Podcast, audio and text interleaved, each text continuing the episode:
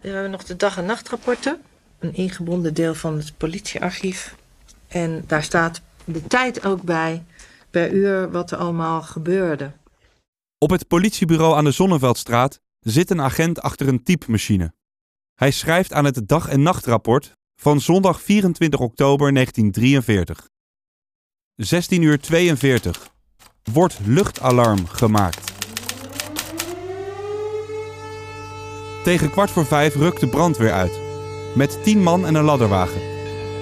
Waarheen? Dat wordt bij de politie niet gemeld. Drie minuten later wordt gerapporteerd dat ook de eerste hulpdienst onderweg is. De EHD gaat naar de Hooigracht, alwaar een vliegtuig is neergestort. De ondergetekende is 20 man personeel derwaarts gezonden. De politie stuurt 20 agenten naar de Hooigracht om de boel daar af te zetten. Vanuit het politiebureau op de Zonneveldstraat zoeken agenten contact met de hoofdpost van de luchtbeschermingsdienst. Ze nemen niet op. Geen teken van leven. De politieinspecteurs van Muscher en Kruisinga gaan zo snel ze kunnen naar de Hooigracht. De 16.55 uur. 5 voor 5. Eindelijk een teken van leven vanuit de hoofdpost van de luchtbeschermingsdienst. Hoofdwachtmeester Impelmans is daar inmiddels aangekomen en hij vraagt om vier agenten naar de Hooigracht te sturen. Dan een paar minuutjes later. 5 uur. Opperwachtmeester Bouwhuis vraagt of het signaal einde luchtalarm is gegeven. Hier is niets gehoord. Tegelijkertijd wordt einde luchtalarm gegeven.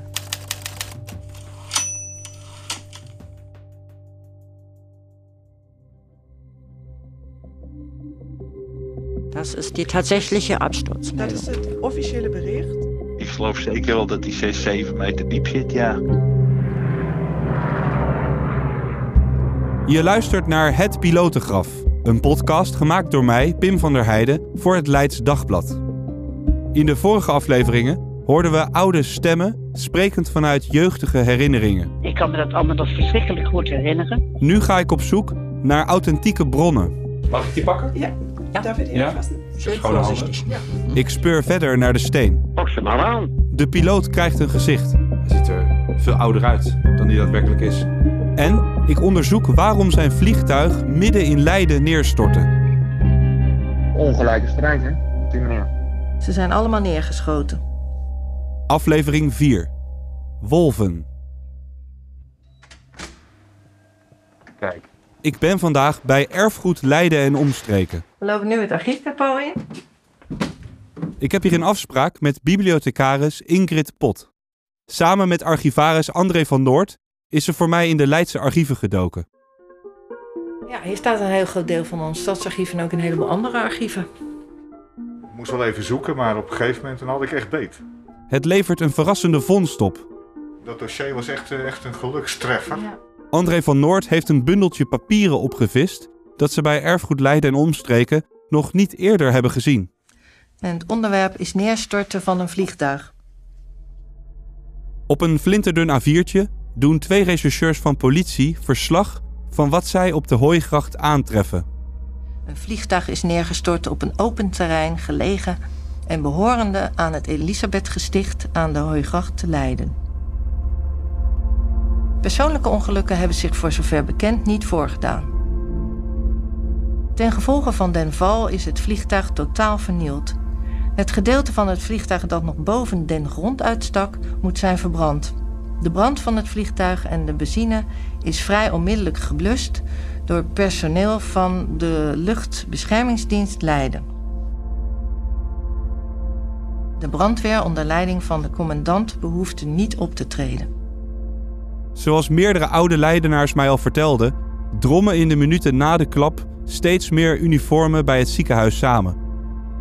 Onder hen ook de Leidse korpscommandant Hofman en hoofd van de luchtbeschermingsdienst Weijers.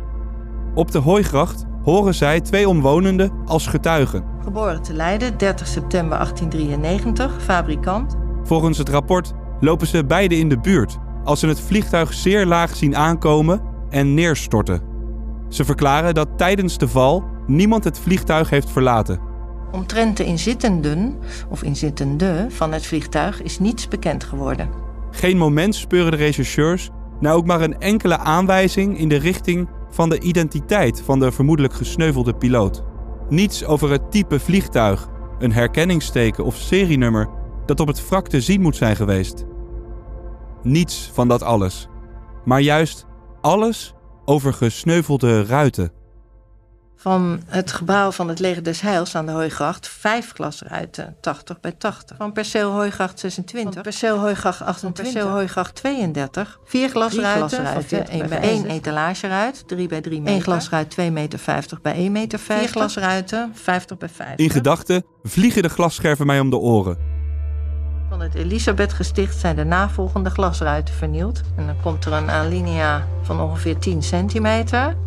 Drie glas in loodruiten, 1 meter glas in loodruiten van 60 Na een hele opzomming van allerlei ruitjes komt 77 kleine glas 50 kleine glas in loodruitjes. Het is een ravage, constateren de rechercheurs. En hebben wij hiervan dit rapport opgemaakt, getekend en gesloten. We bergen het rapport weer op in de beschermende zuurvrije omslag en pakken er twee oorlogsdagboeken bij. Even voorzichtig neerleggen. Het eerste dagboek dat Ingrid openslaat is van de dan 36-jarige Hande Wilde. Er kwam weer een grote partij bommenwerpers over. Uit zijn dagboek wordt niet duidelijk waar hij was op het moment van de crash. Maar ongetwijfeld heeft hij dicht bij het vuur gezeten. De hele oorlog lang is de Wilde namelijk actief als plaatsvervangend wijkhoofd van de luchtbeschermingsdienst. Van Valkenburg stegen vier jagers op. Ze zijn allemaal neergeschoten. Eén boven Leiden, twee in Wassenaar en één in Oostgeest of boven zee. Dit is interessant. Zou het kunnen dat Werner Lucas was gestationeerd op het in de buurt gelegen vliegveld Valkenburg? De Wilde noteert nog een ander interessant detail. In zijn doodsvlucht raakt Lucas een hoek van de noordelijke klassevleugel. Klapte daardoor Pardoes voorover en kwam met een geweldige vaart in den tuin tussen de gebouwen terecht. Boorde daar een enorm gat in de grond, vloog in brand, maar werd automatisch geblust door het water van de centrale verwarming die geraakt was. Dit verklaart waarom de brandweer niet in actie hoefde te komen. Had de jager het niet het dak geraakt, dan was hij waarschijnlijk in het oude gedeelte terechtgekomen en had daar waarschijnlijk veel narigheid veroorzaakt. En inderdaad, in het schaderapport van de politie staat hoeklijst van 3 meter vernield. Minstens zo gedetailleerd is het verslag in het volgende dagboek dat we openslaan. Er staat, het was omstreeks 16 uur 45 toen er een zwaar geronk van vliegtuigen te horen viel. De schrijver is Johan Kasten. Hij is 65 en werkt als technisch ambtenaar op de Leidse Sterrenwacht. Ik was juist op het Noordeindeplein toen ik een zeer groot aantal vliegtuigen in de lucht bespeurde, ook een viertal dat in tegengestelde richting vloog. Plotseling een lawaai en daar komt uit een grote hoogte met verschrikkelijke vaart een vliegtuig naar beneden. In deze hoek, schrijft de wilde. En dan staat er een pijl naar rechts beneden. En tekent er in de marge van de gelineerde dagboekpagina een recht pijltje naast in de scherpe hoek van 30 graden.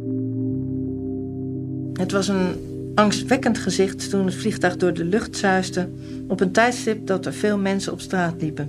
Wonder boven wonder dat het zo. dat het zo afgelopen is. In beide dagboeken wordt het voorval wel genoemd, alleen uh, niet zo opgesmukt met veel persoonlijke details. Dus echt meer een uh, feitenrelaas dan dat je nou heel veel uh, persoonlijke beleving eruit leest. Dat verbaast me nou juist, omdat het iets is wat heel veel mensen heel indrukwekkend hebben gevonden. Dus um, ook in die tijd en nu nog, als je oudere leidenaars erop aanspreekt, weten ze dat allemaal ook nog. De ware toedracht van de crash hebben Ingrid en André niet kunnen achterhalen. Voordat ik vertrek, wijst Ingrid Pot mij nog op de historische krantenbank, waarin ik thuis via de website van Erfgoed Leiden en Omstreken kan onderzoeken wat er de afgelopen decennia over de crash in Leidse kranten is verschenen. In oorlogskranten kan ik er niets over terugvinden. Ook in de jaren na de bevrijding wordt er niet over geschreven. Alles dat met de oorlog te maken heeft, wordt verzwegen vertellen veel getuigen. Er werd gewoon niet over gesproken. Geen grootste verhalen erover, nee. Nee, er werd nooit over gesproken. Dat moest je allemaal maar zo snel mogelijk vergeten.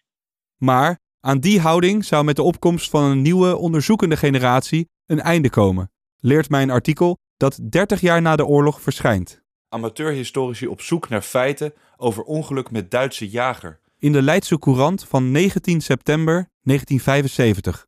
Wie was de piloot die op 24 oktober 1943 tijdens een luchtslag met de geallieerden boven Leiden in moeilijkheden raakte en uiteindelijk neerstort in de tuin van het toenmalige Sint-Elisabeth ziekenhuis? De man die deze vraag stelt is, daar hebben we hem weer, Henny Kwik. In heel wat plaatsen in Nederland hebben ze al belangrijke successen geboekt. Met zijn pas opgerichte studiegroep Luchtoorlog 1939-1945 bijt hij zich vast in een op dat moment nog zeer onvolledige geschiedenis. Voor de amateurhistorici ligt nu een nieuwe kluif in Leiden, waar ze met man en macht gaan proberen het mysterie te ontrafelen rond het neerstorten van de Duitse jager. Kwik gaat er op dat moment vanuit dat het gaat om een vliegtuig van het type Focke-Wulf. Van de piloot werd alleen nog maar een hand gevonden. Komt die hand weer terug? Zijn identiteit is nooit achterhaald. Theorieën zijn er wel. Hij zou een van de bekendste Duitse jachtvliegers zijn geweest. En ik lees dat Kwik naar de steen van Lucas op zoek is gegaan. We zijn ook op zoek geweest naar een ingemetselde steen met inscriptie, die ergens in het ziekenhuis moet zijn aangebracht, als een soort eerbetuiging aan de piloot. Omdat ik inmiddels weet dat de studiegroep in de dagen van Henny Kwik en Koos Berlemon in die zoektocht zou slagen, doe ik navraag via het contactformulier van de studiegroep. Ook Dirk Mechelsen, die mij liet weten dat het er waarschijnlijk niet goed uitziet voor mijn zoektocht, weet dat leden van de studiegroep het geheim van de steen kennen. Daar zitten erbij, die weten zeker hoe, wat er met die steen aan de hand is.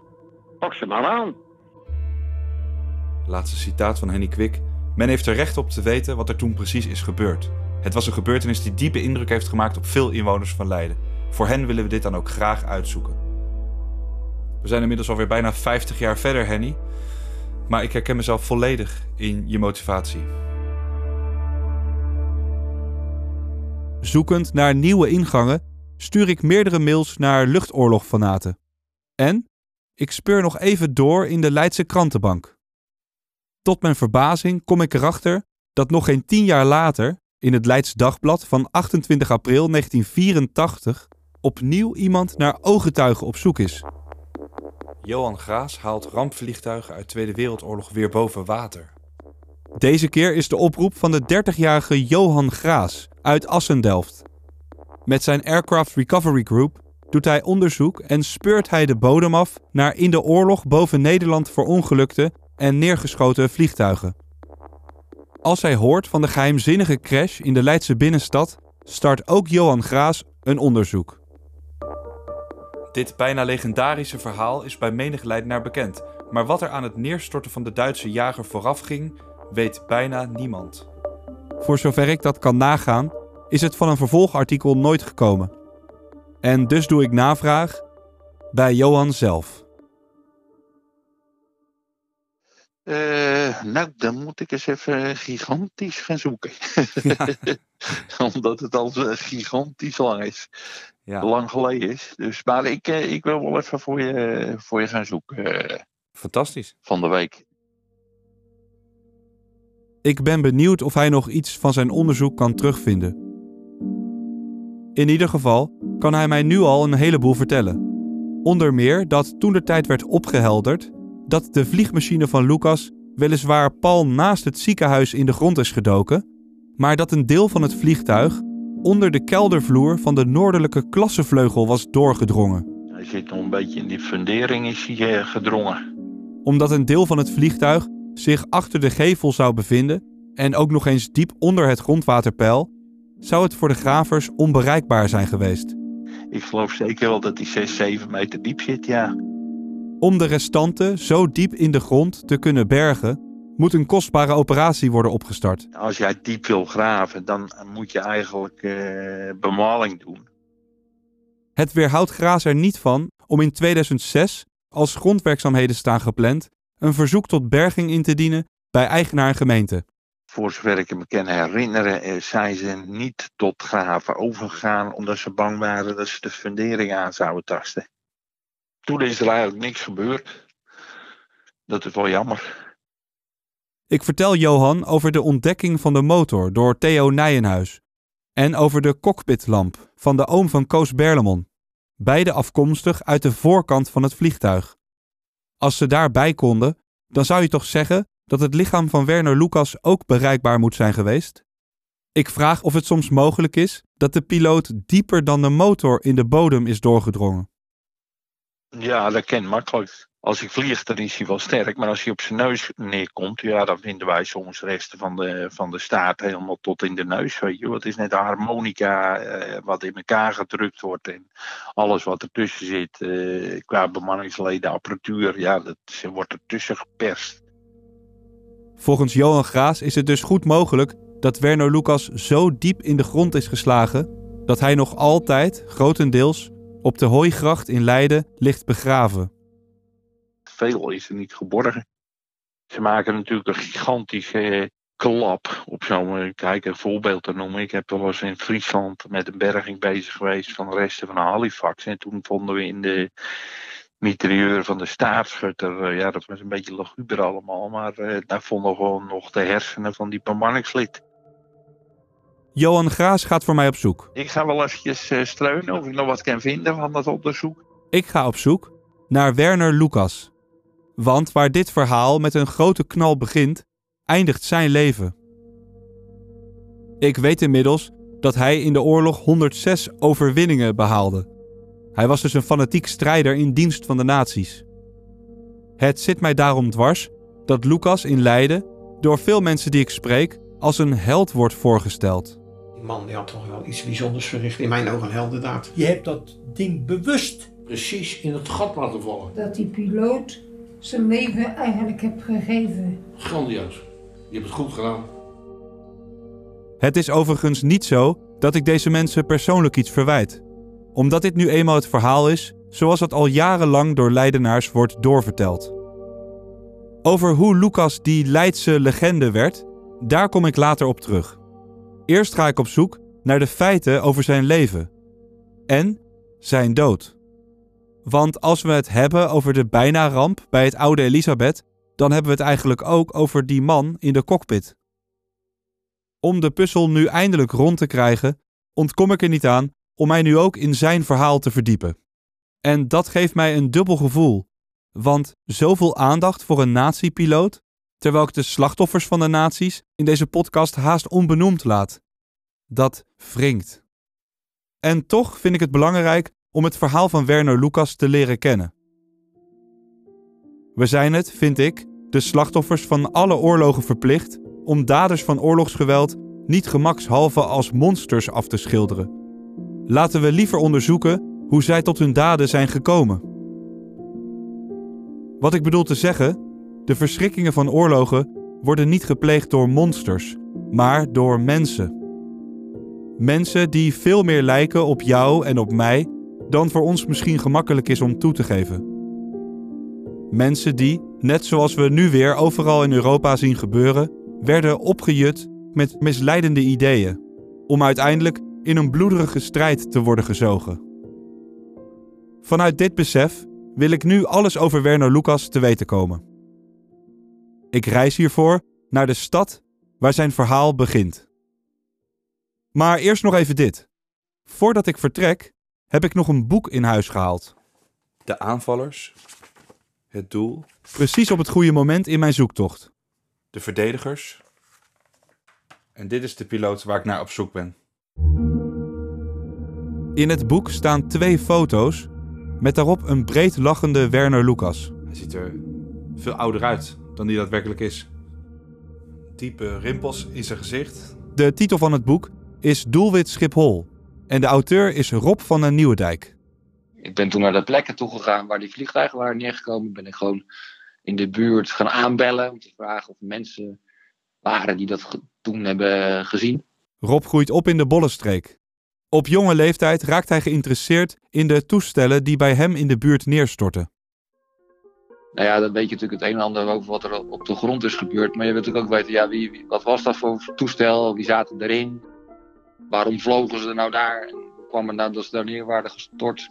Al snel komt hij erachter dat de vliegtuigcrashes in de omgeving onderdeel uitmaken van dezelfde versnipperd geraakte geschiedenis. Ja, je had geen internet, dus je, je, je begon met niks. In 1981 wordt hij lid van de studiegroep Luchtoorlog. Het jongste lid toen.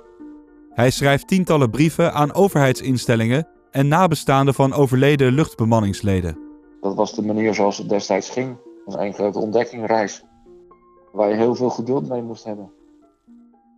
En dan, dan heb je natuurlijk allemaal puzzelstukjes die over de hele wereld verspreid zijn. En ieder puzzelstukje is er eentje en daardoor ontstaat er een bepaald beeld.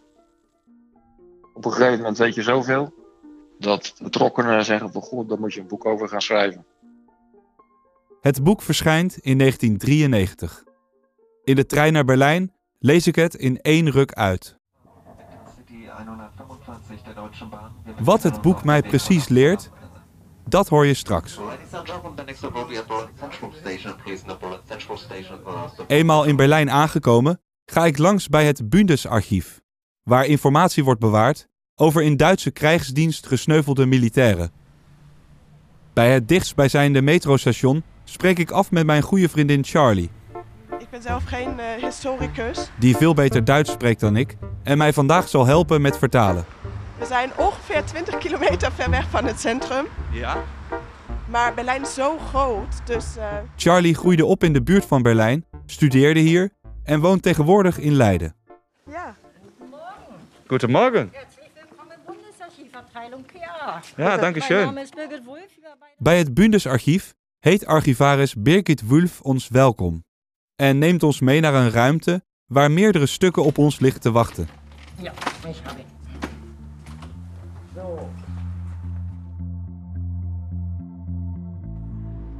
Ich habe hier noch einen Hinweis, dass es eine sogenannte zentrale Person gab. Ich habe hier die Heimatanschrift. Via vergilde papieren bronnen stappen we in de wereld van Werner Lucas. Ich habe hier Geburtsdatum, Hij wordt in Berlijn geboren op 27 februari 1917 als zoon van Maria en Georg Lucas. Zijn vader is sleutelmaker. Op 21-jarige leeftijd meldt Lucas zich bij de Luftwaffe. Hij doorloopt de opleiding tot jachtvlieger en wordt dan in het voorjaar van 1941 voor zijn eerste operationele vluchten naar Noord-Frankrijk gestuurd. Een maand later arriveert hij in Polen. Het is de zomer van de Duitse invasie van de Sovjet-Unie. 22 juni 41. Operatie Barbarossa gaat van start. In de vroege morgen stijgt Lucas op om vliegvelden in de buurt van Lviv, Oekraïne, aan te vallen. 2 juli 41. Lucas behaalt zijn eerste overwinning. Zes kilometer onder het Poolse Krylov schiet Lucas een Polikarpov-jager neer. 10 juli 41. 17 augustus in 11 minuten drie TB3-bommenwerpers Op één dag vijf Sovjet-bommenwerpers uit de lucht geschoten. In korte tijd ontwikkelt Lucas zich tot een ervaren jachtvlieger. Vanaf het voorjaar van 1942 wordt hij ingezet tegen de Engelsen op Malta en in Noord-Afrika. Daarna terug naar het oosten voor de Duitse opmars aan het Stalingrad-front. 23 juli 43. In gevecht met Russische jagers wordt Lucas neergeschoten. Hij maakt een buiklanding achter de vijandelijke linies. Door de rivier de Tchir over te zwemmen, weet hij bij zijn eenheid terug te komen. 20 augustus 42. In 13 minuten vijf toestellen neergeschoten. Tegelijkertijd eist Lucas zijn 50ste overwinning op. In 1942 promoveert Lucas op basis van ervaring tot officier en wordt hij met het Ridderkruis onderscheiden, dat alleen door Hitler zelf wordt toegekend. Of Lucas persoonlijk bij de Führer wordt ontboden, dat is niet bekend. 21 december 42. Er ist beim Luftkampf mit fünf Douglas Posten In gevecht met vijf Russische vliegtuigen loopt hij flinke treffers op. in Morovskaya. Klinkt alsof het Rusland zou kunnen zijn. Wurde das Flugzeug des Oberstleutnant Lukas in Brand geschossen? Zijn vliegtuig staat in brand. Hij moest dus uit het vliegtuig vluchten met een parachute. Terwijl hij de kap van de cockpit opengooit, laait een steekvlam in zijn gezicht. Verbrennung ersten Grades im Gesicht. Daar heeft hij dan brandwonden in zijn gezicht overgehouden. Als zijn Messerschmitt neerkomt, bungelt Lucas aan een parachute. und kam dann in ein Lazarett, um dort behandelt zu werden. De bronnen die hier in het archief worden bewaard, bieden een bijzonder inkijkje in het leven van Werner Lucas. Mag ik die pakken? Ja. Darf die Ja? anfassen? Schön Schone handen. vorsichtig. Ja, wir haben schon das Ja. In 1982 zit Rob van den Nieuwendijk hier met dezelfde stukken voor zijn neus. Hij weet dat er dan nog meer verhalen over de eenheid van Werner Lucas te vinden moeten zijn. Namelijk bij de direct betrokkenen die het geluk hadden de oorlog te overleven. Ik heb uh, meerdere ja, zeg maar kameraden van Lucas heb ik, uh, kunnen uh, opsporen. En een aantal daarvan heb ik ook telefonisch kunnen interviewen. Echt waar joh? Ja. Ik denk een stuk of tien. Die waren al in de, in de 80, begin 90. Rob vraagt naar logboeken, foto's en natuurlijk naar de verhalen die verteld werden binnen de eenheid van Lucas. Onder andere Walter Boharts, von Langendorf, die viel onder Lucas. Een van die verhalen speelt in januari 1943, als Lucas is gestationeerd op het omsingelde vliegveld Pitomnik bij Stalingrad. Stalingrad was natuurlijk omsingeld door de Russen en het zesde Duitse leger lag daar. En die probeerde zich daar uh, met hand en tand uh, te verdedigen. Lucas escorteert bevoorradingsvliegtuigen naar binnen toe en ondersteunt de evacuatie van 42.000 gewonden naar buiten de omsingeling. De situatie daar werd steeds nijpender en de Russen uh, die trokken natuurlijk steeds meer op. Met als gevolg dat ook het vliegveld onder Russisch artillerievuur lag en de Russische tanks het vliegveld opreden. Als allerlaatste springt Lucas in zijn vliegtuig en start nog net op tijd de motor. Ja, toevallig had hij nog een vliegwaardig toestel en wist op, op het allerlaatste moment te ontsnappen. Dat heeft hij dus toen daar meegemaakt. In augustus 1943 keert Lucas naar Duitsland terug om zich op te maken voor een nieuw strijdtoneel. De Amerikanen vlogen overdag en die uh, gingen doelen aanvallen in Duitsland. Ja, die kwamen natuurlijk over Nederland heen. Vanwege de strategische ligging van Schiphol was daar een Duitse dagjagereenheid gestationeerd. Met de opdracht om uh, die Amerikanen proberen tegen te houden. Ja, dat, dat werd natuurlijk een hele ja, afslachting, noem ik het omdat bij veel van die onderscheppingsvluchten werden die Duitsers uh, neergeschoten. In de maand juli verliest de Luftwaffe in het westen 335 jagers. De volgende maand zijn het er 248. Er blijft maar weinig over voor een effectieve verdediging van het Duitse Rijk, constateert Hitler. En dus beveelt hij de verplaatsing van ervaren jachteenheden uit het oosten naar het westen. Ze waren natuurlijk uh, onoverwinnelijk uh, tot uh, Stalingrad. En daarna ging het alleen maar bergafwaarts. Vanaf 12 september 1943 ligt ook de eenheid van Werner Lucas gevechtsklaar op Schiphol. Er zaten er altijd een aantal die zaten in een toestel uh, startklaar. Zodra het Duitse radarsysteem een naderende vliegtuigformatie detecteert, stijgen de jagers van Schiphol op om de bommenwerpers aan te vallen. Een van die onderscheppingen is op 20 oktober. Heeft hij boven Venray een B-17, een vliegend fort, kunnen neerschieten. Het felle optreden van deze duidelijk ervaren dagjagereenheid levert ze meteen een reputatie op bij de Amerikanen. Alles wat op, op Schiphol is gestationeerd, dat zijn, uh, ze noemen dat wolven. Wolven worden ze genoemd. En de Amerikanen hebben toen een plan opgevat om uh, Schiphol uit te schakelen. En daarvoor gingen ze diverse keren het vliegveld aanvallen. En die aanvallen die heb ik beschreven. Op 3 oktober 1943 bombarderen de Amerikanen Schiphol voor het eerst. De schade blijft beperkt. Bommenwerpers van de Royal Air Force gingen het ook proberen. Toen kwamen we uit op zondag 24 oktober 1943. Leiden, Holland, 24.10.1943, Feinflug. Die Absturzmeldung. Das ist die tatsächliche Absturzmeldung. Dat is het officiële bericht. Dit is het document waarvan ik hoopte dat het nog zou bestaan. Het Duitse crashrapport. Ja. Dat ligt hier voor ons. Dat ligt hier voor ons. Dat ligt hier. En, uh, dat een is dat. Dat is er hier. Ja. Oh, ja, kijk nou.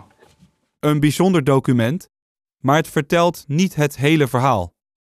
Eigenlijk is het niet meer dan een tabel waarin tijd, plaats en toedracht van het ongeluk worden vermeld. Wie het hele verhaal wel kan vertellen, is Rob van der Nieuwendijk. Steunend op zijn jarenlange en wereldwijde onderzoek volgt dan nu een reconstructie van de laatste missie van Hauptmann Werner Lucas. Het is zondag 24 oktober 1943. Lucas wordt wakker in Badhoevedorp. Hij verblijft daar in een gevorderd woonhuis. En dan werden ze naar het vliegveld gebracht. Hij ligt daar met zijn eenheid aan de kant van de A4. Ondertussen vinden op vliegbasis Morley, Engeland, de voorbereidingen plaats voor operatie Ramrod 284. Om kwart voor vier stijgen daar 13 Britse Mitchell-bommenwerpers op. Hun missie? De vernietiging van een van de grootste Duitse bases in Europa. Nog voor het verlaten van de Engelse kust gaat een van de Mitchells terug. Later keert er nog eentje om. Elf vliegen er door. Royal Air Force bommenwerpers, geëscorteerd door Spitfires. De bommenlading bestaat uit acht 500 ponders per Mitchell, bestemd voor de hangars en herstelwerkplaatsen op Schiphol. Boven zee voegen tientallen jagers zich in formatie voor, naast en achter de Mitchells. Om tien voor half vijf worden de vliegtuigen op 90 à 70 kilometer ten westen van Den Haag door de Duitse lange afstandradar opgemerkt. De radarpost alarmeert de organisatiestaf van de eerste jachtdivision. Alarmeert de jachtvliegervuurder geeft instructies aan de Jägerleiterofficier. Alarmeert Schiphol. 16 uur 22. Schiphol krijgt luchtalarm door. Om half vijf geeft de officier van dienst Werner Lucas het bevel om op te stijgen. Met de opdracht om uh, die formatie te onderscheppen. Flugauftrag. Alarmstart auf den gemeldeten Feindflugzeuge vom Typ Spitfire. Hij steeg op uh, samen met nog drie andere wat is het, uh, kameraden. Ongeveer 10 minuten later bevinden de Messerschmitts zich op bijna 6 kilometer hoogte, rapporteert de Royal Air Force vanuit Kingsdown, waar zij het radioverkeer van de Duitsers afluistert. 16 uur 41. German aircraft reported that they had sighted vapor trails. Condensstrepen aan de hemel dus. Lucas heeft zijn vijand in het vizier. Boven het kustgebied, regio uh, Katwijk, kwamen ze in gevecht met uh, de escorterende Spitfires. Al vrij snel wordt op grote hoogte een Messerschmitt neergeschoten door de Canadese pilot officer F.S. Sorge. Het duingebied tussen uh, Katwijk en Wassenaars Vlag. Ah, got him, juicht Sorge over de bordradio. Het staat allemaal in het logboek van zijn eenheid geschreven. Onderofficier Wek die is daarbij om het leven gekomen. Kort daarna ziet de Spitfire-eenheid een Messerschmitt om onverklaarbare reden in tolvlucht in de Noordzee storten. Dan, zo vermeldt het logboek tot slot, mengt een onbekende Spitfire-eenheid zich in het gevecht, waardoor een onoverzichtelijke situatie ontstaat. Kwart voor vier. Bij het gevecht zijn alleen jagers betrokken, hoort de Britse afluisterdienst een Duitse piloot zeggen. Messerschmitt-piloot luitenant Walter Bohatsch vliegt per toeval op het luchtgevecht af. Hij keert juist terug van het begeleiden van een konvooi over de Scheldemonding. Rond uh, kwart voor vijf uh, was hij op de terugvlucht naar Schiphol toe. Toen zag hij in de verte een luchtgevecht waarbij er een, uh, een jager werd geraakt. Hij ziet een Spitfire of Messerschmitt, dat kan hij door de afstand niet goed zien, midden in de Leidse binnenstad neerstorten. Dat had hij gezien. En toen hij op Schiphol landde, kreeg ze al vrij snel door dat dat het toestel was van Werner Lucas. Rond het moment dat Lucas in Leiden neerstortte, is Schiphol ook gebombardeerd. In het crashrapport wordt opgetekend dat Lucas in gevecht met 20 Spitfires om het leven komt. Im Luftkampf mit 20 Jägern gefallen. Flugzeug um 16.43 Uhr in Leiden aufgeschlagen. Het groepje jagers, waar Werner Lucas de leiding over had, had geen schijn van kans, concludeert Rob. 4 tegen 20, nou ja, dan weet je het wel. Ja. On ongelijke strijd, hè, op die manier. Om de wolven van Schiphol de baas te kunnen, werden 60 tot 70 Spitfires ingezet. Waarvan er uh, minstens 25 uh, direct het gevecht aangingen. Terwijl de rest nog even op afstand bleef. Hoewel de piloot in dit verhaal overduidelijk met een overmacht werd geconfronteerd en dus voor een onmogelijke opdracht werd gesteld, houdt Rob het in zijn boek op neergestort onder mysterieuze omstandigheden. Geen enkele geallieerde jager of bommenwerper maakt namelijk aanspraak op de vernietiging van de Weiße Sieben van Lucas. Dat is het kenteken op de romp van zijn vliegtuig. En hij schrijft dat Lucas volgens sommige ooggetuigen bij Oegstgeest door Duits luchtafweergeschut zou zijn beschoten. En dat de vlakeenheid die de treffer op haar geweten zou hebben, op 25 oktober naar het Oostfront zou zijn gestuurd. Helaas, schrijft Rob, is dit door onvolledigheid van de Duitse archieven niet te controleren. Aber wir sind ja noch nicht fertig. Da kommt noch was. Einzelgrab 374, Feld nummer 74. De kist die de oom van Koos op twee schragen op de binnenplaats van het Sint-Elisabeth ziekenhuis ziet staan, wordt op dinsdag 2 november 1943 om drie uur begraven op dem Heldenfriedhof Amsterdam. Op de nieuwe Oosterbegraafplaats in Amsterdam. De Weermachtsbevelshaber in de Nederlanden, dat was Christianse, die uh, was daar ook bij. Er werden eerder rondjes gevlogen boven de begraafplaats. Naast de kist werd er dan in de lucht geschoten om, om de laatste militaire eer te bewijzen. Ik bekijk de foto's van de begrafenis die Rob van der Nieuwendijk van Walter Bohatsch heeft gekregen. De kist wordt neergezet tussen twee andere, waarin zich de al dan niet complete lichamen van Werners kameraden Günther Weck en Paul Stolte bevinden. Achter de kisten staan drie Duitse militairen met elk een speldenkussen in de hand waarop hun militaire onderscheidingen liggen uitgestald. Op de kisten liggen grote rouwkransen met witte bloemen en donkere linten eraan met ijzeren kruisen, hakenkruisen en adelaars erop. Wat zich in de kisten bevindt? Dat kan ik op deze foto's natuurlijk niet zien. Maar volgens Birgit Wulf moet ook dat zijn gedocumenteerd. Door de Nederlandse Gravendienst. Dat is de conclusie die Birgit Wulf trekt aan de hand van het laatste rapport dat ze aan ons voorleest. Dat er omgebettet worden is. Op 27 november 1947 wordt de kist van Lucas namelijk herbegraven op IJsselstein. Er een Einzelgrab had, kan man davon ausgehen dat hij ook sauber dort gelegen had. Het feit dat hij een enkel graf heeft gekregen, wijst er volgens haar op dat er in ieder geval een deel van het lichaam van Lucas in de kist zou moeten zitten. Anders zou dus de naam op een verzamelgraf moeten zijn. Wäre vielleicht ganz günstig, tatsächlich beim niederländischen Gräberdienst mal nachzufragen, ob die da äh, das, das Knochenbild Er werden ook foto's gemaakt van de botten bijvoorbeeld. Dus dat zou ook nog informatie kunnen zijn die jij kan opvragen in Nederland dan. Ik heb het even uitgezocht en voor het archief van de Nederlandse Gravendienst moet ik naar Den Haag. Ja, dan moeten we naar de Nederlandse Gravendienst gaan. Ja.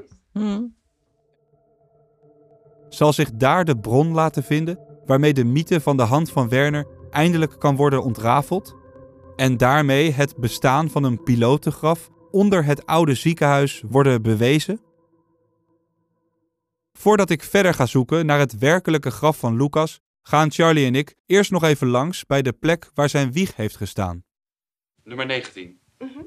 Waknietstrasse 19. Nou, daar moeten we zomaar eens naartoe dan. Daar moeten we zomaar naartoe, ja. Steht hier auch drauf. Dit adres brengt ons een stapje dichter bij de jeugd van Werner Lucas. Want het is het appartement in Berlijn waar hij opgroeit. In Wedding. Ah, dat is niet weit. Nee. Das, nee, das ist nicht weit. Nee. Dat is ook hier in Noordwesten. hè? En Zonder te verhuizen woont Werner Lucas vanaf 1933 in een andere straat. Dat zit zo. De Utrechterstrasse krijgt in 1933 een nieuwe naam. En dat heeft alles te maken met een gebeurtenis die mogelijk grote indruk op de jonge Werner heeft gemaakt. Op Oudejaarsnacht, twee weken na Werners 15e verjaardag, komt bij een steekpartij voor het café aan de overkant, een stukje verderop in de straat, de 16-jarige Hitler-aanhanger Walter Waknitsch om het leven. De nazi's grijpen zijn dood aan voor een grotesk martelaarsspektakel en dopen de Utrechterstrasse om naar de Waknitschstrasse. Er voert een massale erewaken door de straat. Afsluitend zijn er toespraken van nazi-kopstukken. Voor het café wordt een plaquette met de naam van Walter Waknitsch in de muur geplaatst. Het zou mij verbazen als Werner er niet bij is geweest. Na de oorlog krijgt de straat haar eigenlijke naam weer terug.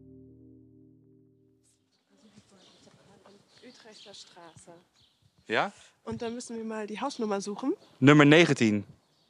Ik probeer mij voor te stellen hoe het leven hier was toen Werner hier opgroeide. We lopen langs een oud schoolgebouw. Ja, klassiek gebouw met eh balustrades. Misschien heeft hij hier 100 jaar geleden wel op school gezeten. We lopen verder. Dit is nummer 19, hé. Kijk. Deze jongen woont hier. De portiekflat waar Werner woonde is totaal gerenoveerd.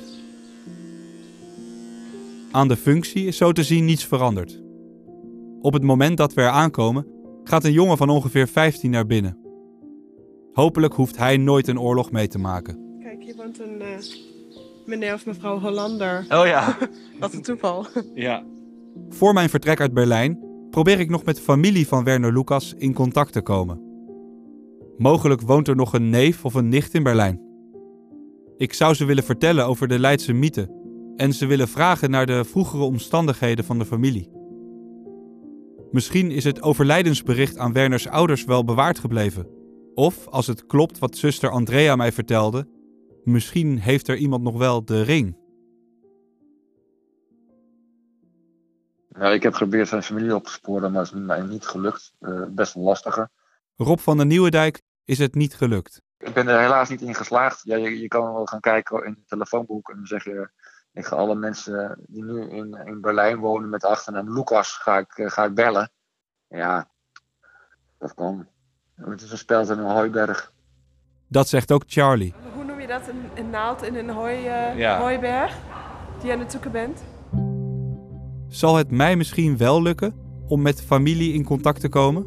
Ja, het zou kunnen zijn dat er nog iemand in Berlijn woont.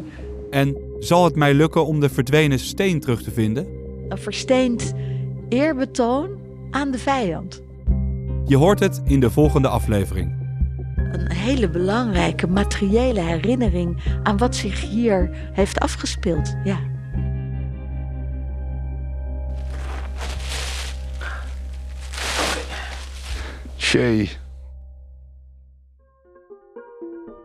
Je luisterde naar de vierde aflevering van Het Pilotengraf. Een podcast van het Leids Dagblad, gemaakt door mij, Pim van der Heijden, in nauwe samenwerking met Erik Koen Versteeg. Hij maakte de muziek. Paul Sven de Haan deed de mixage en voor begeleiding en advies kon ik rekenen op Maarten Dallinga. Het Pilotengraf werd mede mogelijk gemaakt door het Leids Mediafonds, de gemeente Leiden en de historische vereniging Oud-Leiden. Met dank aan Erfgoed Leiden en Omstreken, het Bundesarchief en alle mensen die we in deze aflevering hoorden. Of op een andere manier aan deze podcast hebben bijgedragen. En natuurlijk ook jij bedankt voor het luisteren. Tot de volgende aflevering.